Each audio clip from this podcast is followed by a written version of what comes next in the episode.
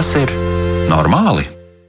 Esiet sveicināti ar jums, kā katru svētdienas vakaru, Kristiāna Lapiņa, bet par skaņu rūpēsies Mārtiņš Paiglis. Un, protams, tieši to pašu teikšu, ko vienmēr šovakar arī mēs runāsim par to, kā dzīvot savu dzīvi un uzdosim jautājumus, vai tas vai kaut kas cits ir normāli, vai, piemēram, normāli ir būt vakarā studijā un mēģināt runāt par ļoti nopietnām lietām. Šo jautājumu es uzdevuši mazliet vēlāk arī savai viešņai, bet noteikti neaizmirstiet, ka arī jūs varat iesaistīties raidījumā un raidījuma veidā veidošanā. Sūtiet savas idejas, sūtiet savas domas uz e-pasta adresi, vai tas ir normāli Latvijas radio.lv un noteikti arī izmantojiet Latvijas radio mājas lapu Tur jūs varat izmantot eh, raidījumu ziņojumu logu un droši rakstiet to, kas ir ienācis prātā, un eh, tad mēs arī varam nu, uzzināt, ko jūs esat gribējuši teikt, un mēģināt varbūt arī atbildēt uz kādu jautājumu.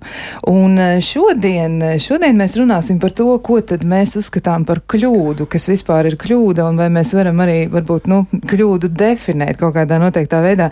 Par to mēs padomāsim, bet um, pirms vēl mēs sākam par to visu runāt, arī noteikti pieteikšu savu raidījumu viešņu, un tā ir Ieva Salmana Kuļikovska, kur ir kognitīva behaviorālās psihoterapijas, psihoterapijas speciāliste, Rīgas Stradiņa universitātes docente, un viņa ir arī socioloģijas doktora, ne vairāk, ne mazāk. Sveicināti, Ieva! Labvakar! Man ļoti liels prieks, ka tu atradi laiku un esi šovakar studijā, un tu esi tas cilvēks, kurš saka par sevi, ka nu vakars laikam nav tas, tas pats piemērotākais tādām zinātniskām diskusijām. Kā tad ir? Nu, tieši tā, es domāju, ka cilvēki ir vai nu rīta vai vakara cilvēki, un es pilnīgi noteikti esmu rīta cilvēks un būt deviņos vakarā studijā, man ir samērā liels izaicinājums. Jo, nu, bet es to uztveru kā izaicinājumu, un savā ziņā es esmu nolēmusi, ka es šajā situācijā, kas ir tāda, kāda ir, dara to labāko, ko es varu. Es domāju, ka viss būs kārtībā. Patiesi un eh, tiešām ļoti, ļoti jauki, ka tu esi šeit un saruna arī ir pavisam citādi, ja, jo nu, mums ir kādu laiku iepriekš bijis jādara tā, ka mēs bieži ar studijas viesiem sazvanāmies, un tad liekas, tā saruna nav tik ļoti tāda aizraujoša. Bet eh, pirms mēs sākam diskutēt par to, kas tad ir kļūda, un arī klausītājs noteikti aicināsim iesaistīties sarunā savā ziņā, rakstot mums kādu ziņu, eh, ir tā, ka bez kļūdām mēdz teikt, ka, nu, nesot efektīvu mācīšanās. Un saistības ar šiem diviem faktoriem ir pierādījis psihologs Jasons Mozers. Nu, droši vien, ka viņš nav pirmais cilvēks, kurš par to ir aizdomājies, bet Mičiganas universitātē nu, 2011. gadā nāca klajā viņa pētījums, un uh, secinājumi bija tādi, ka tad, ja mēs kļūdāmies, tad galvas smadzenes nu, rada jeb, nu, tā kā, ģenerē tādas noteiktas reakcijas, kas pirmkārt ir saistīts ar to, ka mēs tās kļūdas spējam apzināties, un otrkārt arī attieksme pret kļūdām tiek kaut kādā noteiktā veidā attīstīta. Un tad sanāk tā, ka ja mēs ap, apzinātāk mēs attiecamies pret kļūdām, cenšoties tās atrisināt un izanalizēt, jo aktīvāk strādā smadzenes. Nu, tā ir ļoti laba lieta, bet eh, tajā pašā laikā ir tā, ka ļoti bieži cilvēki baidās kļūdīties. Un uh, varbūt mēs varam sākt ar to, kas vispār varētu būt kļūda, jo cilvēki jau tā arī saka, nu, es te kļūdījos, vai arī mm, ļoti bieži arī mm, cilvēki mēdz izmantot nu, tādu izteicienu, ja nekļūdās tas, kurš neko nedara, ja un tā tālāk. Kas vispār ir kļūda? Kļūda. Vai mēs varam to definēt nu, tā, pa pusē zinātniski, droši vien pa pusē sadzīviski? Jā. Nu, es domāju, ka kļūdu mēs varam definēt kā mūsu lēmumu vai rīcību, ko mēs nožēlojam, vai, vai mēs baidāmies, ka to nožēlosim. Un būtībā nu, tas ir tad, ja mūsu rīcībai pieņemtais lēmums rada negatīvas sekas, kas var būt tik labi objektīvas, cik subjektīvas.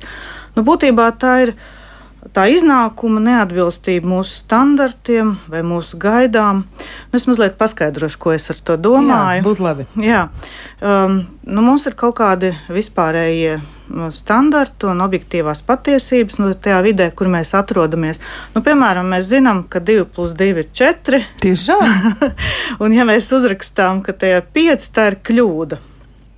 Nu, to mēs varam nosacīt, tā, klasificēt kā tādu objektīvo patiesību. Uh, bet ir arī tādas uh, nu, subjektīvās patiesības un gaidas, kas, uh, kas sakņojās sabiedrības pieņēmumos. Arī stereotipos un mūsu tuvāko cilvēku priekšstatos, un mēs šos priekšstatus esam uzņēmuši likumsakarīgi, atrodoties tajā vidē, kur mēs atrodamies. Uh, Nu, būtībā jau um, kļūda ir saistīta ar to, ka mēs pieņemam lēmumus, kaut kādus lēmumus par mūsu izvēli. Bieži apzināts, bieži neapzināts. Un dienas laikā mēs pieņemam ārkārtīgi daudz lēmumu. Un, nu, pat būtībā katru sekundi. No ko pirkt veikalā, ko gatavot ēst. Un dažkārt mūsu rīcība arī ir automātiska. Nu, vienmēr mēs tā pieņemam lēmumus. Teiksim, nu, mēs tīram zobus. Mēs katru dienu nedomājam, vai mēs tīrīsim zobus vai netīrīsim zobus. Nu, daudz kas notiek automātiski, un tā ir rutīna. Savā ziņā rutīna atvieglo mūsu dzīvi, jo pateicoties tieši rutīnai, mēs nu, varam nepieņemt tos lēmumus nepārtraukti. Un, Un, protams, visbiežāk par smagu kļūdu mēs neuzskatīsim to, ka mēs, piemēram, veikalā nopirkām nepareizo pienu. Nu, kaut arī mēdz droši vien būt dažādi. Varbūt dažādi, jā. jā. Bet tas noteikti var attiekties uz lielākiem lēmumiem, kurus pieņemot varam kļūdīties un kas mūs var ietekmēt tādā ilgākā laika termiņā. Nu, piemēram, ja runā par tādiem um, sabiedrības priekšstatiem, mūsu audzināšanas ietekmi, kad, piemēram, kādā ģimenē jaunieši pieņemtais lēmums iet mācīties par aktieri. Um, var no šīs ģimenes skatu punktu uzskatīts par kļūdu, jo mūsu ģimenē taču visi ir mediķi. Līdz ar to nu, šis lēmums kā kļūda tiek traktēts tieši caur šīs ģimenes prizmu. Nu, piemēram, mēs mēģinām izdarīt izvēli. Mēs tādu varbūt nopietnāku izvēli mēs mēģinām uh, pieņemt lēmumu, vai mēs, piemēram, pērkam tādu nelielu māju vai lielāku dzīvokli. Nu, pieņemsim, ka mūsu rīcībā ir kāda līdzekļa un mēs to varam. Un tātad nu, tas ir salīdzinoši svarīgs lēmums, jo mēs nepērkam mājas katru dienu. Nu, Visticamāk, lielākā daļa no mums to nedara. Un pēc kāda laika mēs varam konstatēt, ka nu, vajadzētu nevis pirkt to māju, bet dzīvokli. Nu, tad mēs esam izdarījuši izvēli par labu mājai, bet nu, mēs secinām, ka nē, tomēr dzīvoklis bija labāks. Tad, nu, no šodienas skatu punkta mēs varam uzskatīt, ka mēs kļūdījāmies. Tajā brīdī, kad esam to sapratuši. Un kāpēc mēs to interpretējam kā kļūdu? Un te ir tādi vairāki aspekti, par ko man liktos būtiski padomāt. Nu, tās var būt tādas objektīvas, negatīvās sekas šim lēmumam. Nu, piemēram, tajā brīdī, kad mēs pirkām mūsu māju, tad uh, ienākumi mums bija lielāki un mēs varējām atļauties šo māju uzturēt. Tagad tie ir piemēram samazinājušies, un nu, negatīvās sekas ir lielākas izmaksas, ko mēs vienkārši objektīvi nu, nespējam sekt. Tad tās būtu tās salīdzinoši objektīvās negatīvās sekas. Taču ir vēl citi faktori. Ir tādas subjektīvās un arī tādas sociālās negatīvās sekas. Nu jā, mēs esam sociāls būtnes. Mēs, kā saka, mēs esam cilvēks, ir sociāls dzīvnieks. Mēs dzīvojam starp citiem, un mums ir svarīgs citu cilvēku novērtējums. Un ko par mūsu lēmumu domā tie, kuri, kuri viedoklis mums ir svarīgs. Protams, mūs ietekmē arī dažādi stereotipi un uh, sabiedrības priekšstati un tradīcijas. Un dažus ietekmē vairāk, uh, citus mazāk. Nu, piemēram, citus cilvēkus mazāk ietekmēs viņu vecāku viedoklis par dzīves vietu izvēli vai konkrēti par šo māju vai dzīvokli, ja? Bet citus nu, tas ietekmēs vairāk. Tāpat, piemēram, ar modi, ja kādu tā ietekmēs vairāk, kādus mazāk, nu, tiem, tiem, kurus mazāk, tiem būs svarīgi, ka viņa apģērbs ir ērts un tāds, kurā viņš jūtās labi un kas man piestāv. Nu, respektīvi, ir, eh, ir cilvēki, kas vadās pēc modes tendencēm, un ir citi, kuri savā ziņā nu, diktē šīs modes tendences kaut kādā nozīmē paši sev. Nu, vēl viens svarīgs faktors, ko gribētos pieminēt, ir tāds fenomens, ko ekonomikā dēvē par angļuiski tas būtu opportunity cost, vai es to tulkoju kā neizmantotās izvēles cena. Piemēram, ņemot šo pašu paralēli ar māju un dzīvokli, teiksim, izvēloties pirkt māju, tad šī mūsu neizmantotās izvēles cena bija iespēja pirkt dzīvokli. Nu, vēl jau vairāk, ja katram no šiem uh, variantiem bija kaut kādas priekšrocības. Piemēram, dzīvoklis atradās blakus parkam, bet māja nē. Un līdz ar to pērkot māju, mums palika neizmantot iespēju nopirkt dzīvesvietu blakus parkam. Mm -hmm. nu, tas ir kaut kas tāds, kas cilvēks arī mēdz ietekmēt. Un dažkārt šī neizmantotā iespēja var likties ļoti būtiska. Un mēs esam pārliecināti, tā bija kļūda nepirkt īpašumu pie parka, piemēram. Ja? Un, kā saka, ir tāds sens budistu teiciens, ka visas mūsu ciešanas uh, uh, rada tas, ka vai nu mums nav tā, ko mēs gribam, vai ir tas, ko mēs negribam. It kā ļoti vienkārši ja, izklausās, bet tajā pašā laikā ļoti labs jautājums ir par to, nu skaidrs, tātad neizmantotās e, izvēles ir iespējas cena, ja, nu tad cilvēks domā par zaudējumiem. Vai gadījumā nav tā, ka ļoti bieži cilvēki mēģina analizēt situācijas, e, domājot par to, ko es te iegūstu un ko es te zaudēju. Es parasti arī piedāvāju darīt savādāk. Es saku, lūk, redz, kur jūs varat pamēģināt paskatīties, kāda ir ieguvuma šajā gadījumā un kāda ir ieguvuma citā gadījumā, ja jūs izvēlaties citu iespēju.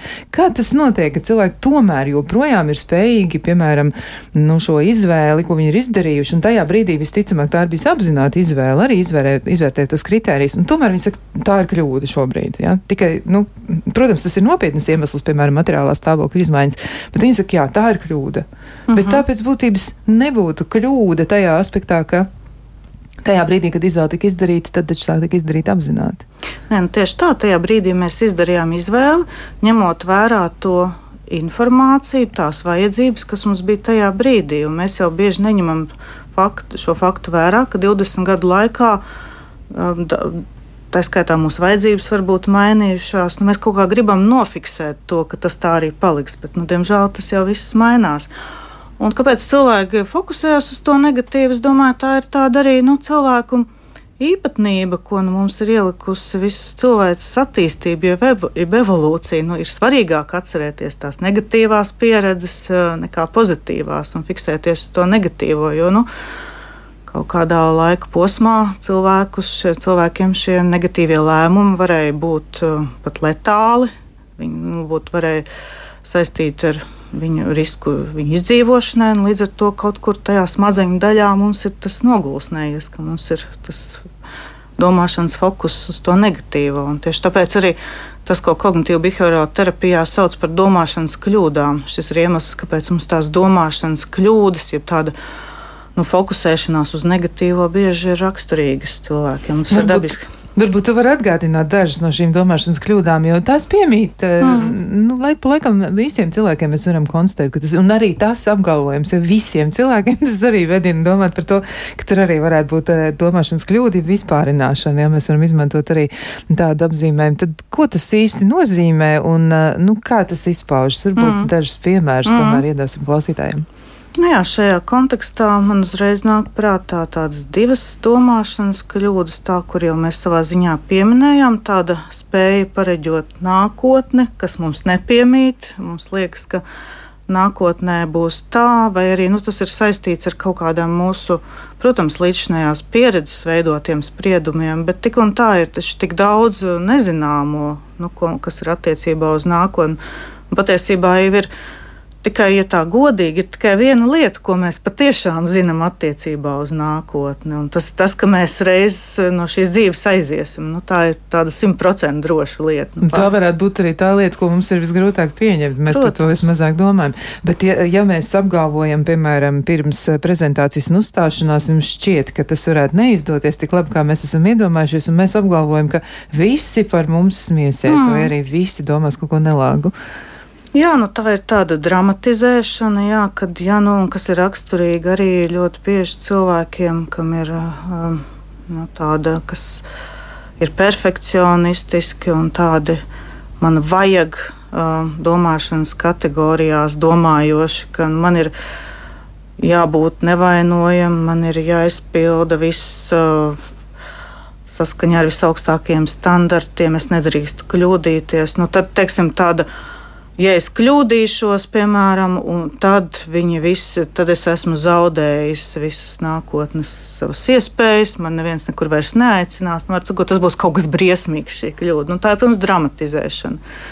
Un tāpat tā nākotnes pareģošana, piemēram, ja, nu, ja es nedabūšu šo darbu, tad man nākotnes karjera būs vējā. Tā ir vēl viena tāda domāšanas kļūda, un arī tāda lietu pārmešana, kuras es nespēju paredzēt nu, par to partneri izvēle, teiksim, ja, ak, vai, nu kāpēc es apprecēju Jāni, man taču vajadzēja apprecēt Pēteru no šodienas skatu punkta, vai ne? Es kļūdījos, bet, bet mēs aizmirstam to, ka no tā skatu punkta mums apprecēt Jāni iespējams bija labākā izvēle, pamatoties to informāciju, kas bija mūsu rīcībā. Jā, nu jā, un klausītāji arī jautā to, nu tieši arī domājot par, par domāšanas kļūdām, ja kā risināt emocionālās, ja domāšanas kļūdas attiecībās, un, un kā ieliet atpakaļ ūdeni, kas ir izlietas, jo reizēm arī šķiet, ka tas nav izdarāms, bet kaut ko jau var noteikti darīt lietas labā, bet kā tad attiecībās, ja, jo tur ir tā, nu, domāšanas kļūdas tur iezogās mm. bieži. Mm. Ne, nu, protams, ir svarīgi atzīt šīs domāšanas kļūdas un saprast, ka mums ir nu, tendence viņas pieļaut, pamatojoties, ko, to, ko es minēju iepriekš, tas ievirza domāt, pam, nu, fokusēties uz negatīvo. Bet vispār, nu, kā pieņemt, ka kļūdīšanās ir dzīves sastāvdaļa, tas man liekas ļoti labs jautājums un arī tāda ļoti laba skola, ko mums ir nu, patiesībā jāmācās visu dzīvi. Un, nu, es teiktu, ka vienkārši pieņemt to, ka kļūdīšanās ir tā dzīves sastāvdaļa. Nu, tādā savā ziņā nenoteiktība. Un, protams, ir cilvēki, kam, kas vēlas noteiktību visā, kas arī man nāks ar tiem ikdienā saskarties, ka nu, es varu pieņemt lēmumu tikai tad, ja man būs 100% drošība. Bet mums jau šāda 100% drošības faktiski nu, Nav iespējama šāda situācija, runājot par nākotni, izņemot to vienu lietu, ko es minēju. Jo nu, cilvēki vēlas kontrolēt, un tas ir normāli, jo tas ir normāli. Jo, cilvēki izvēlās kontroli, nevis ievainojamību, tas ir arī kaut kas, kas nu, mums patīk kontrole.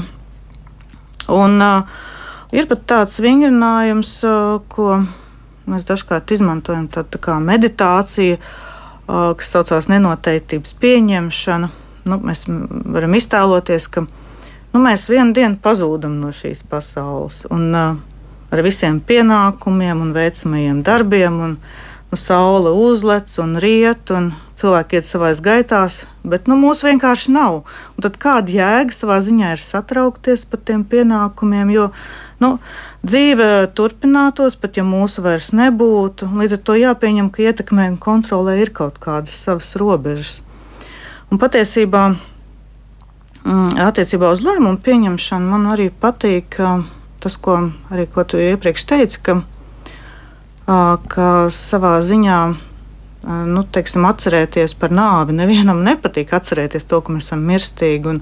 Rietumu sabiedrībā tas faktiski nozīmē nu, kontrolas trūkumu par šo procesu, jo par šo procesu mums tiešām kontrolas nav it nekādas. Nu, kaut kādā ziņā ir, bet nu, ne par šo faktu, kas, ka mums no šīs dzīves būs jāaiziet.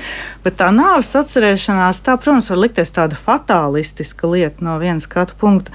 Bet no otras, otras skatu punkta tas būtu arī tāds pozitīvais fatālisms. Ja mēs gaugalā nezinām, cik mums, um, nu, cik mums daudz ir atlicis, tad nu, kāpēc šī diena nebūtu tāda, nu, kad mēs rīkotos, mēs spērtu to soli, pieņemt lēmumu un par spīti tam, ka mēs baidāmies. Jo skaidrs, ka mēs baidāmies un baidīties ir normāli, un nedrošība ir mūsu dzīves nu, normāla sastāvdaļa. Un, un nav jau tā, ka drosme ir. Uh, nebaidīties un darīt, jo nebaidīties tas vienkārši nav loģiski. Nu, bailes ir arī kaut kāda aizsarga reakcija, un tas būtu pavisam muļķīgi, ja mums ne no kā nebūtu bailes.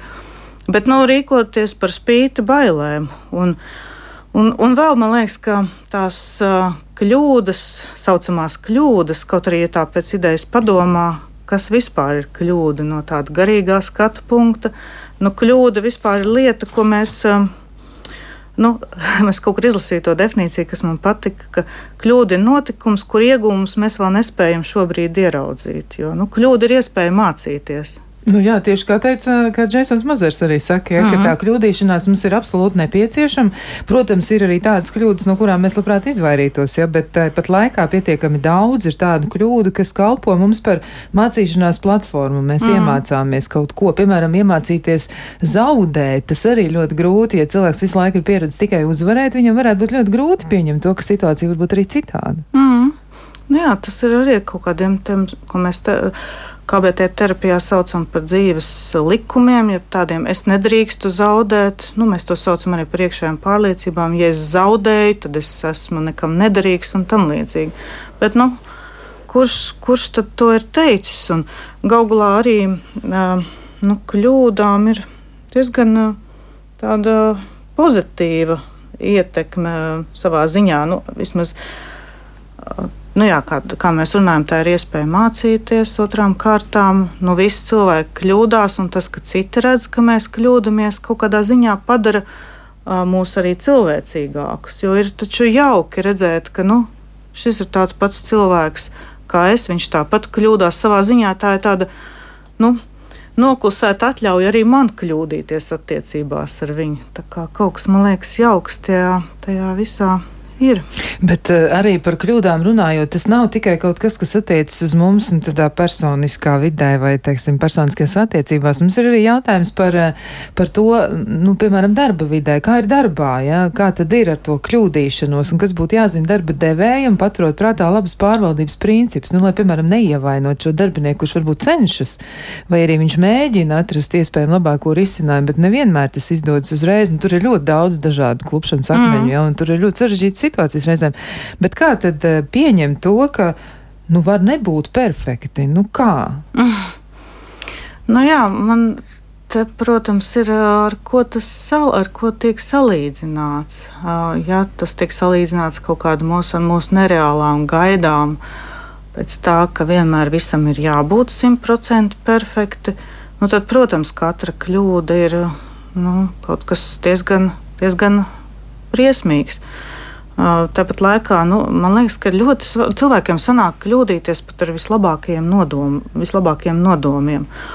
Un tomēr man liekas, ir svarīgi izvērtēt, nu, kāds ir bijis šī cilvēka nodoms un cik daudz pūļu ir pielicis tajā, lai viņš nekļūdītos. Jo tas arī no svara ir. Man liekas, ka, nu, protams, ka ja mēs tos svarīgos lēmumus pieņemsim vispār neieguldot nekādas pūles un tik paļaujoties uz to, ka gan jau kaut kā būs labi, ja, tad. tad Nu, tad, protams, nu, kaut kādā ziņā mēs, nu, ir iemesls jā, cilvēkam teikt, nu, ka tomēr um, nu, tavā ietekmē bija izvērtēt kaut kādus faktus un tiekties uz labāku rezultātu.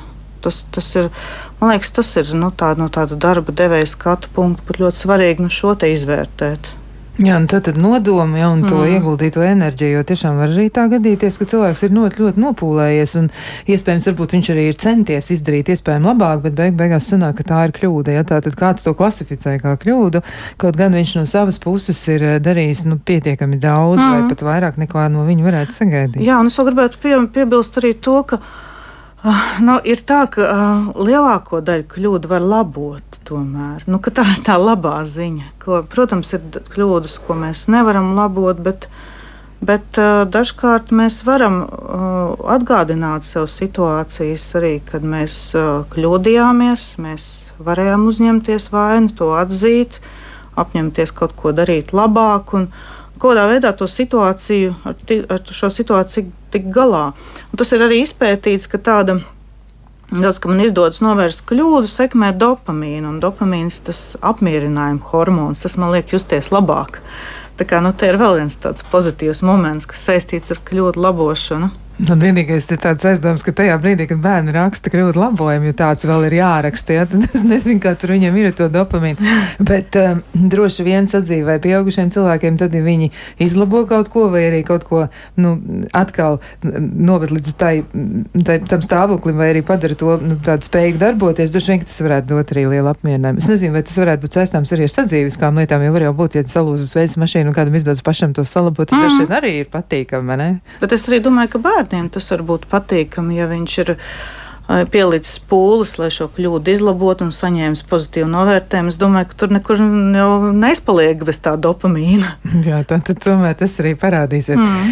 Jā, nu tu arī pieminēji to vainas izjūtu, kas reizēm varētu būt ļoti cieši saistīta ar kļūdu. Tad kā ar to, jo cilvēki nu, jūtas vainīgi par to, ka viņi kaut ko nav izdarījuši tā kā vajag. Un pats reizēm tā kļūda ir ļoti nenozīmīga, viņa ir ļoti sīka. Nu patiesi, mm. viņa nav fatāla un, un arī, kā tu teici, liela daļa no kļūdām var labot. Un tomēr viņi jūtas vainīgi, ka tas tā ir noticis. Mm. Jā, nu es tā domāju par to, kādēļ ir viena cilvēka, kuriem ir nu, lielāka, kur ir traģiskāk uztver kļūdas, un citi varbūt mazāk, un citi jūt lielāku vainas sajūtu, un citi mazāk. Es domāju, nu, tas ir arī atkarīgs no daudziem faktoriem, gan no uh, sociālās vidas ietekmes, kurā mēs esam nu, auguši, sākot jau ar šo um, tādu mūsu pašu mazotnes posmu. Um, gan arī, protams, ar kādām mūsu fizioloģiskām īpatnībām, jo cilvēki arī ir dažādi pēc temperamenta. Viņi ir daži ir jūtīgāki, daži ir mazāk jūtīgi. Un, uh, protams, to ietekmē tas. Uh, nu, ko mēs esam redzējuši, pieredzējuši attiecībā uz mūsu izvēlēm. Nu, ka, pieņemsim to, ka mūsu izvēles tika kritizētas vai nosodītas. Vai arī varbūt mū, tas neatiecās tieši uz mums, bet mēs redzējām, piemēram, ka. Uh, to redzējām svarīgos cilvēkos, to, ka viņi kritizē sevi vai to, ka viņus kritizē citi. Kurā gadījumā šiem faktoriem ir liela nozīme, tad uh, nu, šīs pieredzes tiek uzņemtas pat tad, ja tas nav tā bijis domāts, un mēs uzsūcam, jeb kā psiholoģija saka, internalizējam šīs pieredzes, un tās kļūst par tādām mūsu iekšējām balsīm. Un terapijas virzienā, kurā es darbojos, to sauc arī par iekšējā kritiķa balsi, un šim iekšējam kritiķim var būt dažādas sejas. Tas var būt biedētājs, piemēram, kurš teiks, ka viņa Um, nu, tas ir šausmas, ja tu nepieņemsi pareizo lēmumu, nu, tad, tad nu, gan būs briesmīgi. Vai arī um, nu, iekšējais vainotājs, ka tad, tad nu, vajadzēja darīt labāk, tu nepietiekami daudz izdarīji. Vai nu arī tāds iekšējais perfekcionists, vai nu, katrā ziņā tam var būt daudzas, daudzas tādas nianses. Un, uh, un, un tas lielā mērā arī nosaka to, kā mēs attiecamies pret uh, šo Un tas iekšējais kritiķis, viņš ir tāds negāns arī tādēļ, ka ļoti bieži nu, viņš, um nu, uh, respektīvi, tas, ko es gribu teikt, ka uh, iekšējam kritiķim pieder spēja uh, to kļūdu sasaistīt ar mums pašiem. Respektīvi, nevis es kļūdījos, bet es esmu kļūda. Jā. Jo vainas sajūta jau kādreiz var būt arī produktīva. Nu, mēs varam tiešām varam par kaut ko arī objektīvi būt vainīgi. Ja mums nebūtu šīs vainas sajūtas, tad jau mēs nemeklētu veidus, kā šo kļūdu labot. Un, un varbūt kādreiz mums arī citiem jāatvainojās. Bet, uh, Tas iekšējais kritiķis ir saistīts ar tādu emociju, ko, ko sauc par kaunu. Un kauns saka, ka nevis tu pieļāvi kļūdu, bet tu esi kļūda. Un, un tas ir, man liekas, kas ļoti lielā mērā ir saistīts ar uh, pašvērtējumu, ka, ka cilvēki, kuriem ir zemāks šis pašvērtējums, jeb šo tāds uh, skaļāks iekšējā kritiķa balss, tad viņi arī ļoti sāpīgi šīs kļūdas uztver. Jā, noteikti mēs arī par to vēl parunāsim, gan par pašvērtējumu, gan arī par kaunu un vainas izjūtu un arī vēl priekšējo kritiķu, bet to visu mēs darīsim pēc īsa brīža.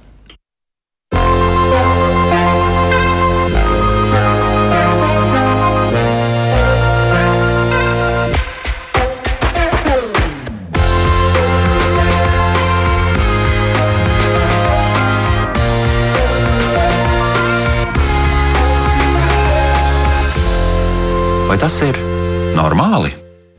Turpinām sarunu par to, kas īsti ir kļūda, kā mēs kļūdāmies, kā uztveram kļūdu un uh, ko tad ar to var iesākt. Un uh, noteikti arī vēl gribu atgādināt, ka jūs arī varat iesaistīties raidījumā, jūs varat sūtīt savus jautājumus, savas atziņas un varbūt arī kādu savu pieredzi stāstu par to, kā jums ir gājis ar kļūdīšanos un kļūdu.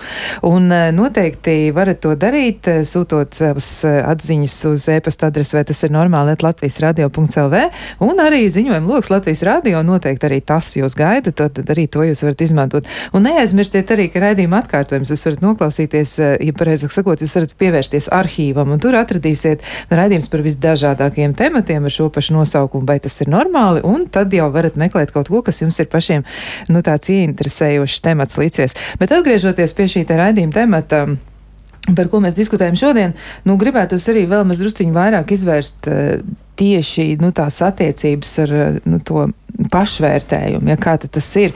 Jo um, arī atsaucoties vēlreiz uz Jasonu Mozeru, e, nu, viņa ideja ir tāda, ka Nu, piemēram, ja mēs runājam par bērnu, ja, tad, ja bērns baidās kļūdīties, tad tiek ietekmēts ne tikai viņa atzīmes skolā, bet arī zināt, kā arī nu, vēlme iegūt informāciju par pasauli un arī attīstīt sevi tālāk. E, pirmkārt, tas ir tāpēc, ka smadzenes tērē pārāk daudz enerģijas, lai pasargātu no stresa šo bērnu, jo katra iespējamā neveiksme tiek uztverta kā bīstama, ja, un kā varbūtai bīstamība. Un tas, nu, šī enerģija netiek veltīta mācīšanās procesam, un otrkārt, ja tas bērns pārmērīgi fokusēs uz savām bailēm, tad viņš pārstāja gūt gandarījumu no mācībām. Un, ja tomēr sanāk, ka viņš kļūdās, tad viņš ir ļoti aizņemts ar sevi šaustīšanu vai arī izvairīšanos no nepatīkamām domām, un principā viņam vairs nav resursu ne tai kļūdu analīzē pēc būtības, ne arī izaugsmē. Tad, eh, nu, kas tad notiek ar šādu cilvēku, ja, un kā mēs varam to sasaistīt arī ar pašvērtēm, jo noteikti tam arī ir eh, nu, ļoti liela nozīme, kā cilvēks interpretē kļūdu. Un cik viņš jūtas eh, stabils, ja tajā visā, jo, ja pašvērtējums ir ļoti trausls, tad tiešām varētu tā būt, ka viņš, nu, tā, tā arī tieši tā kā tu teici, ja vainas izjūta vēl kaut ko saka klāt, un tad tas kritiķis tur tādā nejaukā balsī saka, tu esi kļūda, tu esi neveiksminieks, tu nekam nederi, ja, un, mm. un kā tad ar to? Jā, nu, patiesībā bailes um, pieļaut kļūdu savā ziņā ir kaut kas, kas liedz mums izbaudīt dzīvi. Un tiešām ļoti daudz cilvēku arī nu, tur iesprūst.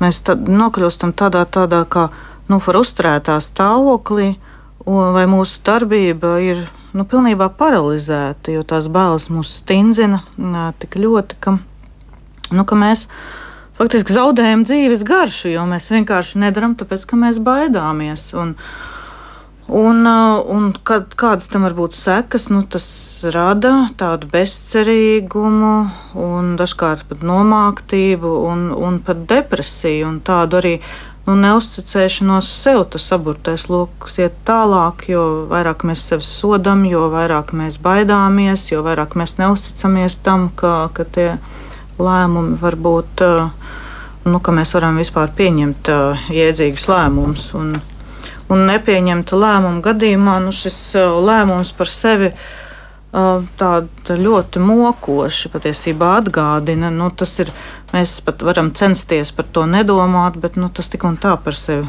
atgādina, aug mūsu neapmierinātība un dusmas, un te pievienojās kritiķis nākamajā līmenī, kurš saka, nu, Tātad tu neesi pieņēmis šo lēmumu. Tā kā viens kritiķa aspekts saka, nepieņem, ne, nedara neko, jo tu vari kļūdīties. Un, bet kritiķis strādā nu, tādās iekšējās, mūsu iekšējās kritiskās, tā iekšējā kritiskā balss. Viņš reizēm darbojās vairākos līmeņos. Tad mēs nepieņemam lēmumus, tad mēs paši sev vainojam par to, ka mēs nepieņemam lēmumus.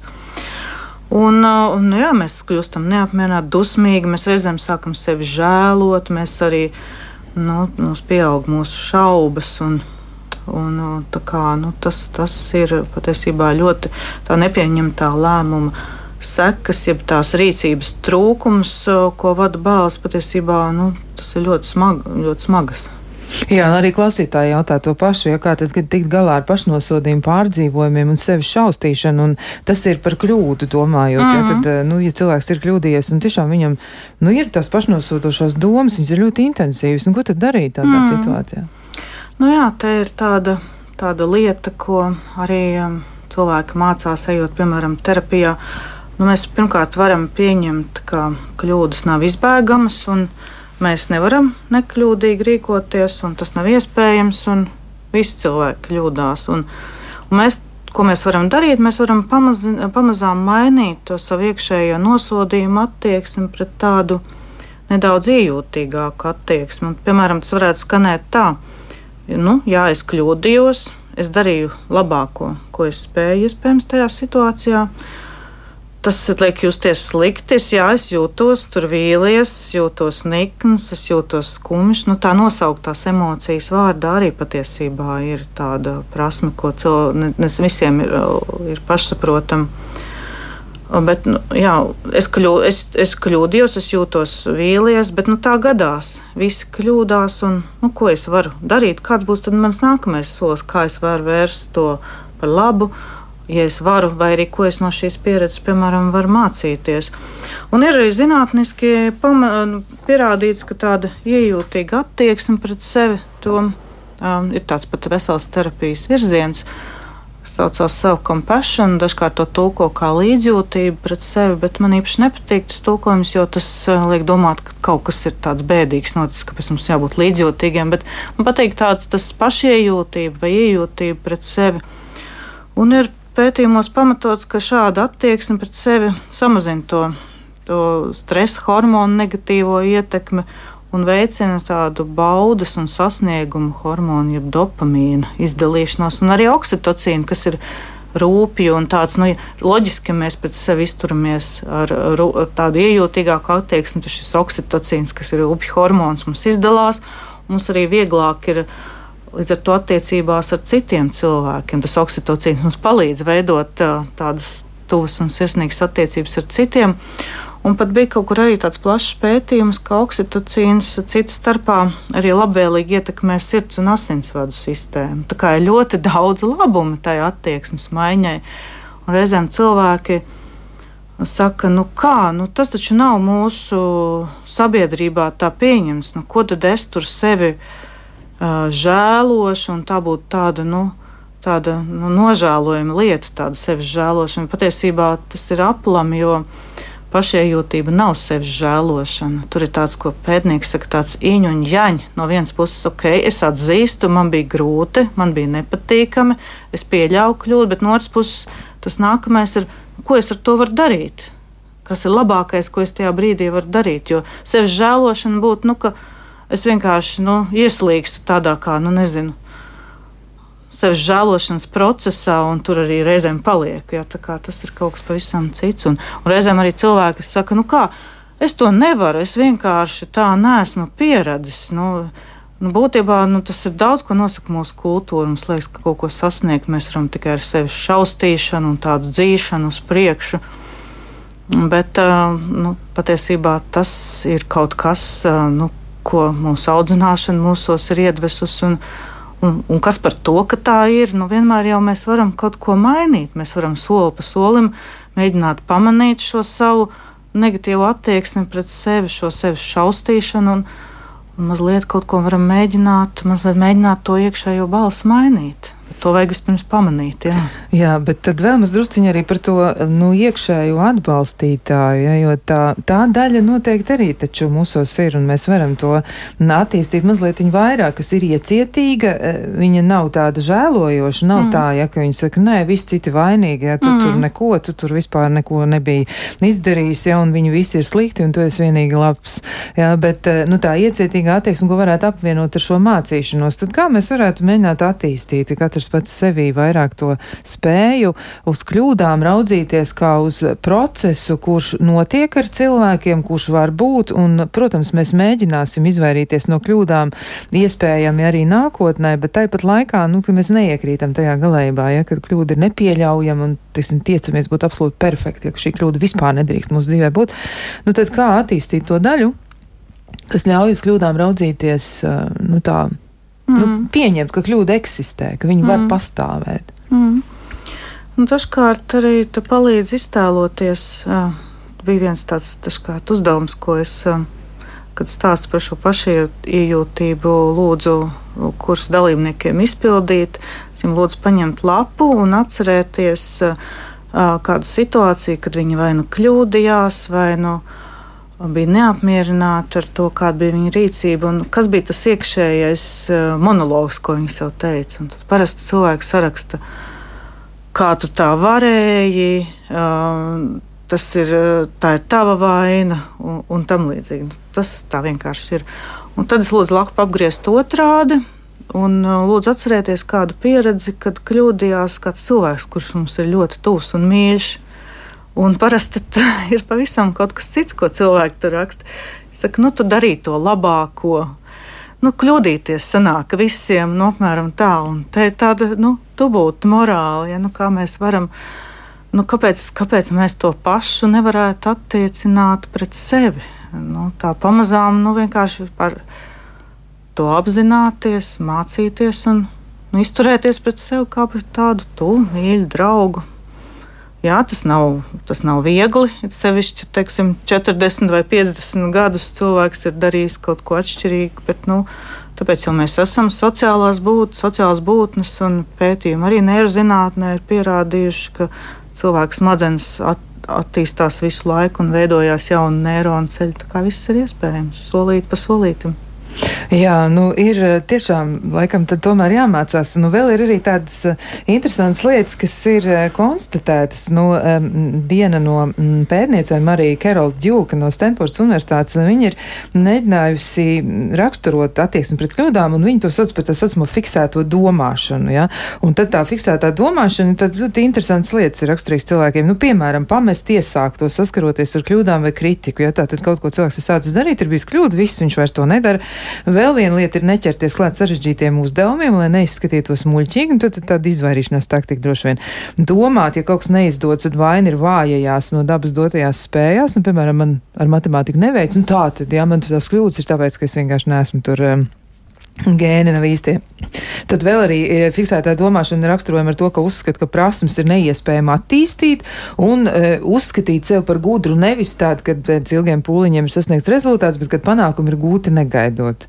Nu, tas tāds viens variants, un otrs reakcijas tips ir saistīts ar tā saucamo izaugsmas mm. domāšanu. Mm. Ja? Tātad cilvēks tic, ka kļūdas nav jāsaist ar viņa spējām, bet gan kļūdas norāda uz trūkumiem, kurus var labot ar jauniem mēģinājumiem. Nu, tur ir ļoti daudz plusi. Ja, nu, piemēram, kļūdas kļūst par dabisku mācīšanās daļu, kas noved pie zināšanām. Ja, tad ļoti labi, labi piedāvājumi ir. Es pamēģināju, kļūdījos, pamēģināju jaunu, kļūdījos, mēģināju vēlreiz, un man izdevās. Tad kļūda tiek pārvērsta arī par instrumentu mērķu izvirzīšanai. Ja es pazaudēju tur, teiksim, dziesmas to melodiju, pagaidām vēl neprotu pareizi elpot dziedāšanas laikā, nu tad trenēšos. Nu, tad arī tāda izēja tiek atrast. Mm -hmm. Vēl ir no kļūdām izdarīt eh, secinājums, ja tas arī ir izaugsmas domāšanai raksturīgs. Piemēram, mana pieeja bija nepareiza, bet tagad es līdzīgi problēmu risināšu jaunā veidā. Man šķiet, ka Einsteins arī bija izteicies to, to pašu. Viņš bija mēģinājis formulēt, ka, ja jūs domājat un izmantojat to pašu risinājumu, ko iepriekš, visticamāk, ka jūs neatrisināsiet mm. to problēmu. Un eh, vēl arī varbūt eh, kļūda varbūt par pamatu pētījumiem. Man šķiet, tas arī ir interesanti. Tas zinātnē ļoti raksturīgi, tašien, ka kam to zināt labāk, ja ne tev, ja? Mm. Kā var uzlabot esēju angļu valodā, ja tad, nu, ko varētu mainīt, lai tas kļūtu labāk. Mm. Un vēl arī tas pats eh, secinājums, kas saskan arī šajā gadījumā gan Kerolē Džūkai, gan arī Džeisonam Mozeram par to, ka kļūdas rada algas pēc jaunām zināšanām, azartu un vēlmi sacensties pašam ar sevi. Varbūt, ka sportā tas ir vairāk redzams, tur taču arī cilvēki kļūdās nepārtraukti, ja šīs kļūdas ir, ir nu, visu laiku. Mm. Tenisā jā. var ļoti, ļoti to pamanīt, un tad viss publika novaidās, jā, kā tur, tur nesanāca tas sitiens. Mm. Jā, nu tieši tā. Pat tas, tas ir arī, man liekas, no nu, ļoti svarīgi, ka cilvēks ir pieļāvis kļūdu, ka viņš nevis met pie malas to tenisu, bet viņš tomēr nu, turpina. Uh, turpina to darīt, un kādā ziņā, jā, varbūt viņš jūtas slikti par to, ka viņam tas nav, nav sanācis tā, kā viņš ir vēlējies. Tāpat laikā mums ir jāatcerās arī tāds svarīgs fakts, ka ne jau tikai mūsu izvēle nosaka, ka mēs kļūdāmies. Ir jau daudzi apstākļi, kas tajā dienā to piemēram, var ietekmēt. Ka to, kādēļ cilvēks ir zaudējis šajā tenisa mačā, piemēram. Tur ir sākot ar ārējās vidas apstākļiem un daudz, daudz citu. Mums kādreiz liekas, nu, ka mēs esam tādi nu, visvaroši, ka, ka tas, vai mēs kļūdāmies vai mēs nekļūdāmies, ir atkarīgs tikai no nu, mūsu izvēles. Bet tā jau nav. Bet man ļoti patika arī tas salīdzinājums. Es kādreiz lietoju arī tādu, vai nu man ir eksperta domāšana, kas būtu tā fiksētā, ka man ir nu, tās jābūtības, man ir jāzina, man ir jābūt visam uzreiz nevainojami. Es nedrīkstu kļūdīties, un nu, tas, kas man jā, jā, jā nu, kas, man, kas man uh, ir vajadzīgs uh, automātiski. Un ir tā, jā, tā izaugsmes, jeb learners uh, mindset, nu, tas um, uh, skolnieka, skolnieka prāta stāvoklis. Man ļoti patīk arī schēma, schēma terapijā ir tāds nu, viens apgalvojums, kas raksturo to saucamo iekšējo veselo pieaugušo, ko, nu, ko cilvēkam būtu jāattīsta, un kas, starp citu, ietver arī to pašiejūtīgo attieksmi pret sevi, ka es varu mācīties, augt un mainīties. To vispār cilvēkam vajadzētu sev tā kā tādu mantru pielikt kaut kur pie. Ja vajadzētu ierakstīt mobilajā telefonā. Lielākoties cilvēki izmanto šo aparātu, jā, mm. šo, šo, šo priekšmetu. Bet kā vēl tas varētu būt saistīts arī ar kontroli? Nu, piemēram, tā kontrolas vajadzība, pārvaldīšanas vajadzība un kļūda. Kas par to būtu sakāms kā mm. to? Nu, jā, nu, kontrola ir nu, mēģināt garantēt to, ka mēs nekļūdīsimies, ka visi mūsu lēmumi būs pozitīvi, arī, piemēram, es pieņemšu lēmumu tikai tad, ja es zināšu simtprocentīgi, kā jau iepriekš teicu, jo nu, tad, ja šīs kontrolas nav, tad mums paliek kaut kāda ievainojamība. Jo, nu, ja es gadījumā izrādīšos, ka es kļūdos, tad, tad nu, es esmu kaut kādā ziņā.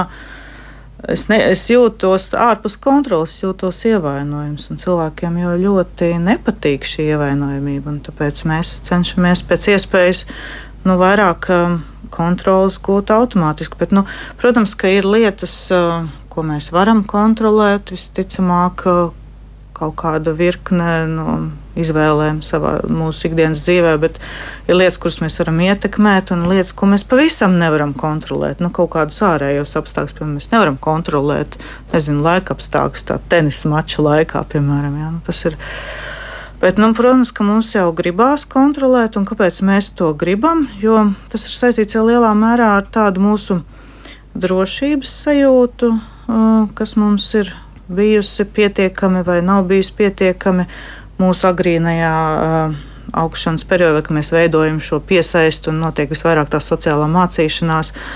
Un mums ir trūcis iedrošinājumi, jā, ka kļūdīties ir ok, vai, piemēram, trūcis arī tādas sajūtas, ka es varu, vai es tikšu galā, vai tādas, nu, tāda vajadzība pēc autonomijas un tādas kompetences, ka es spēju, un man arī galu galā ir resursi, lai es varētu savu kļūdu labot.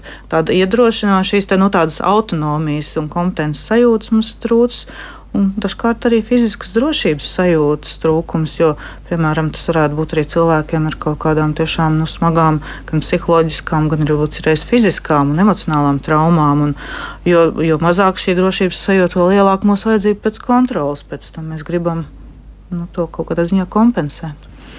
Jā, tā tas ir. Nu, mēģinot arī izveidot tādu tā kopsavilkumu un tuvojoties sarunas noslēgumam, nu, kas varētu būt tas, tavuprāt, ko varētu um, izmantot vai kā varētu uzmundrināt mēs viens otru, arī sevi, piemēram, vecāku lomā vai arī citi cilvēki, kur ir blakus, uh, kā mēs varētu nu, mēģināt vedināt tomēr gan paši sevi, gan arī citus uh, domāt citādi par kļūdu, par kļūdu kā par iespēju, lielākoties kā par iespēju, nevis kā par kaut ko fatālu. Mm.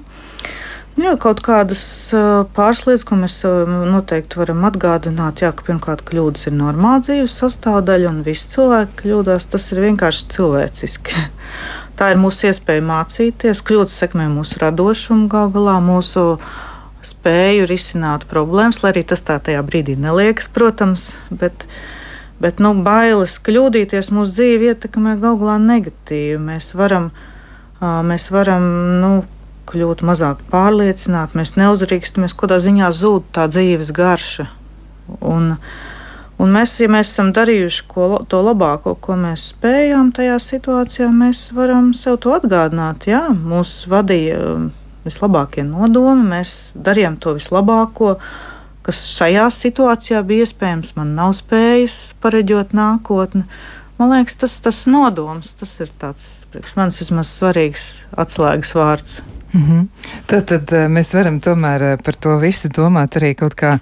Nu, tā tiešām iejūtīgāk, tā kā tu teici. Mm -hmm. jā, attīstīt sevī to spēju, iejūtīgi uz to raudzīties. Jo galā kļūdas ir tāda diezgan dabiska dzīves sastāvdaļa. Jā, un turklāt, ka, nu, tad, ko es teicu, ka dabiska dzīves sastāvdaļa ir pat kaut kur izpētīts, ka trešdaļa pieņemto lēmumu mums vēlāk nāks koriģēt.